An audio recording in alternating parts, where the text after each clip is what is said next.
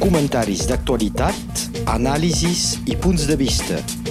La crònica d'opinió amb l'advocat Pere Beca. És l'espai d'opinió del Pere Beca. Bon dia. Bon dia. Ens parlaràs avui de la Brema, que ha començat, cada any comença més d'hora. Què se passa del costat de Banyuls de la Marenda, des d'on eh, connectem amb tu? Doncs mirin, per primera vegada crec, a la zona de Banyuls de Coll Lliure eh, se farà la barema, es començarà abans del 15 d'agost. A la Costa Vermella això mm, penso que no s'havia vist mai, sempre s'esperava només pel fet que a Coll Lliure hi ha les festes del 15 d'agost, doncs sempre s'esperava passat el 15 d'agost. Però aquest any ens trobem amb un ritm, hi ha, poc ritm, hi ha poc volum, perquè no ha plogut des del mes d'abril, però un ritm molt madur en l'aspecte de sucre, de presència de sucre al vi, potser no totalment madur eh, per eh, tot el tema al voltant del sucre, és a dir, la, la maduresa fenòlica, la maduresa de la pell, això no és tan constant, però com actualment es busquen vins eh, al revés del que fèiem anteriorment, que es buscava oxidació per fer vins dolços de banyuls, en aquest cas es busquen vins frescos, amb baix, tant com es pugui, baix grau d'alcohol, i doncs necessitem menys sucre i manteniment de l'aciditat dins del raïm. I per això la collita molt aviat és possible i és hasta necessària perquè si esperem massa aquest raïm s'irà secant i llavors ja no podrà ser utilitzat. Aquesta collita eh, es fa, estem obligats a fer-ho molt de matí, ja sé que en certs llocs eh, ho fan inclús a la nit. Nosaltres, tinguent en compte la manera que són les parcel·les de vinya, no podem anar-nos a passejar allà dins a la nit, encara que, que es posin llums, eh, doncs esperem el matí, però comencem a les 6, 6 i quart, que ja comença aquests dies, i fem la collita molt d'hora, de manera de portar el rim al celler molt aviat, abans que entri la calor. I doncs eh, això per permetre de fer especialment vins blancs d'apel·lació de coll lliure, mm, que són uns vins que necessiten un baix grau de sucre, però que es, en els quals es mantingui acidesa, i és això que estem buscant en aquests moments. Mm -hmm. I doncs tot això què significa que ha canviat el clima? Doncs crec que tothom ho veu. Mm, aquestes calors molt fortes que estem passant, eh, més de 30 graus, però sobretot fins ara es tenia sempre un episodi de 8 o 10 dies de molt forta calor, però actualment tothom ha notat que des del principi de juny aquesta temperatura molt elevada, inclús la nit, eh, ens hi hem anat acostumant amb eh, la, el fet que no baixa la temperatura i que, evidentment, per lo que fa del raïm i, i de, la, de la vinya, no es recupera la nit, no hi ha aigua al matí i eh, doncs és una conseqüència immediata eh, del eh, canviament del clima.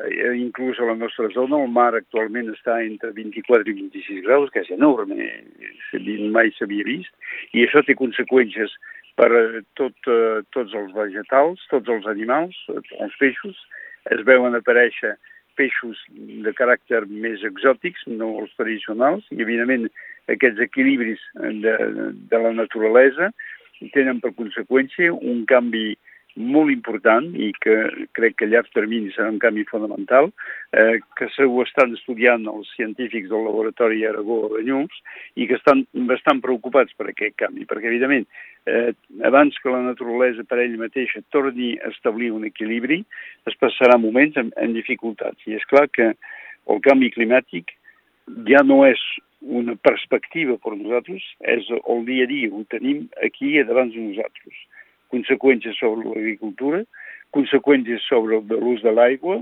Fa pocs dies l'Ajuntament d'Elna eh, va tenir una manifestació d'agricultors per al tema de l'ús de l'aigua. Els agricultors estan protestant i dient que es manté la possibilitat d'emplenar piscines o de regar camps de golf i, per tant, es prohibeix la possibilitat de regar per als agricultors.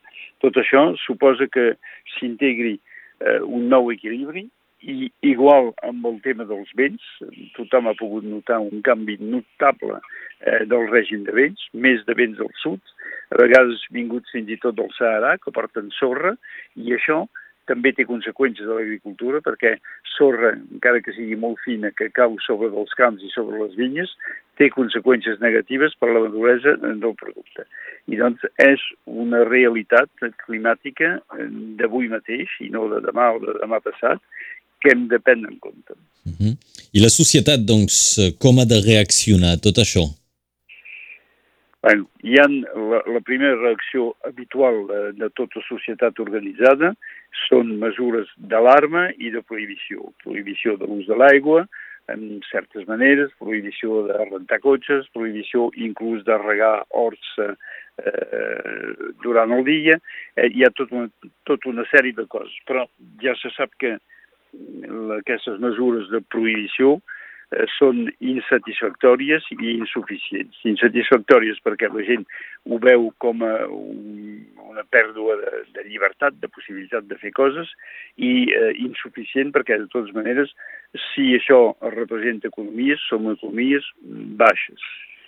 La necessitat és la presa de consciència de la realitat de la problemàtica al final de setmana passat, eh, aquí al poble de Banyuls, es va fer una manifestació que deia Parleu-me del mar, en el qual van integrar molts joves per explicar-los totes aquestes conseqüències sobre de, del mar i de la preservació de la naturalesa. I crec que realment que és per l'educació, per la sensibilització especialment dels infants, el públic jove, eh, que podrem anar muntant eh, un canvi de comportaments l'utilització intensa de la climatització. Climatització és una eina tècnica vinguda dels Estats Units en els moments on no hi havia crisi de petroli no hi havia crisi ecològica, però que eh, actualment té conseqüències desmesurades i que ja no suportem, eh, inclús quan fa 30 graus a fora, ja no suportem de tenir massa calor. Potser ens haurem d'acostumar a poder, com els nostres avis, patir una mica de calor adaptant-se, deixar créixer, créixer arbres per tenir ombra i viure al ritme d'aquesta calor. És un tema de com, comportaments, és un tema eh, d'intentar eh, bloquejar els efectes acumulats d'aquesta situació i això només passarà que a través de la presa de consciència i l'educació, la presa en compte que ha de ser l'e dels poders polítics quals, qualsevol siguin. Per tant, s'ha de ser ecologista. Doncs de, depèn com, com es considera aquesta paraula. No s'ha necessàriament de ser membre d'un partit ecologista per tenir consciència de la realitat de la crisi. El que fa falta a la majoria dels partits és precisament una visió que sigui una visió més ecologista. A Catalunya, per exemple, tots els partits, qualsevol siguin, potser excepte l'extrema dreta, tenen en compte aquesta dimensió ecològica que potser els partits francesos encara no han integrat totalment.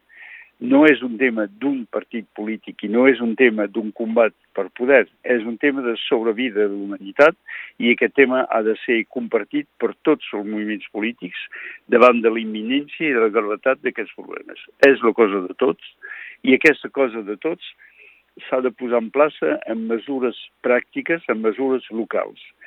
Per exemple, crec que eh, els batlles dels pobles han, tenen una gran possibilitat d'acció perquè estan a proximitat de la gent que pateix de la calor, de la gent que pateix de la falta d'aigua, i ells poden organitzar més bé que no pas una decisió de part d'un poder central que tindria per conseqüència de tenir mesures inadaptades. Doncs, descentralització, poder-se els responsables locals i anar tirant endavant amb l'educació i amb la presa de consciència. Això pot ser la manera de reaccionar. Són els comentaris d'avui d'en Pere Beca sobre el clima i sobre la Brema. Moltes gràcies un cop més d'haver estat amb nosaltres. Fins a la pròxima. Adéu. Comentaris d'actualitat, anàlisis i punts de vista. La crònica d'opinió amb l'advocat Pere Beca.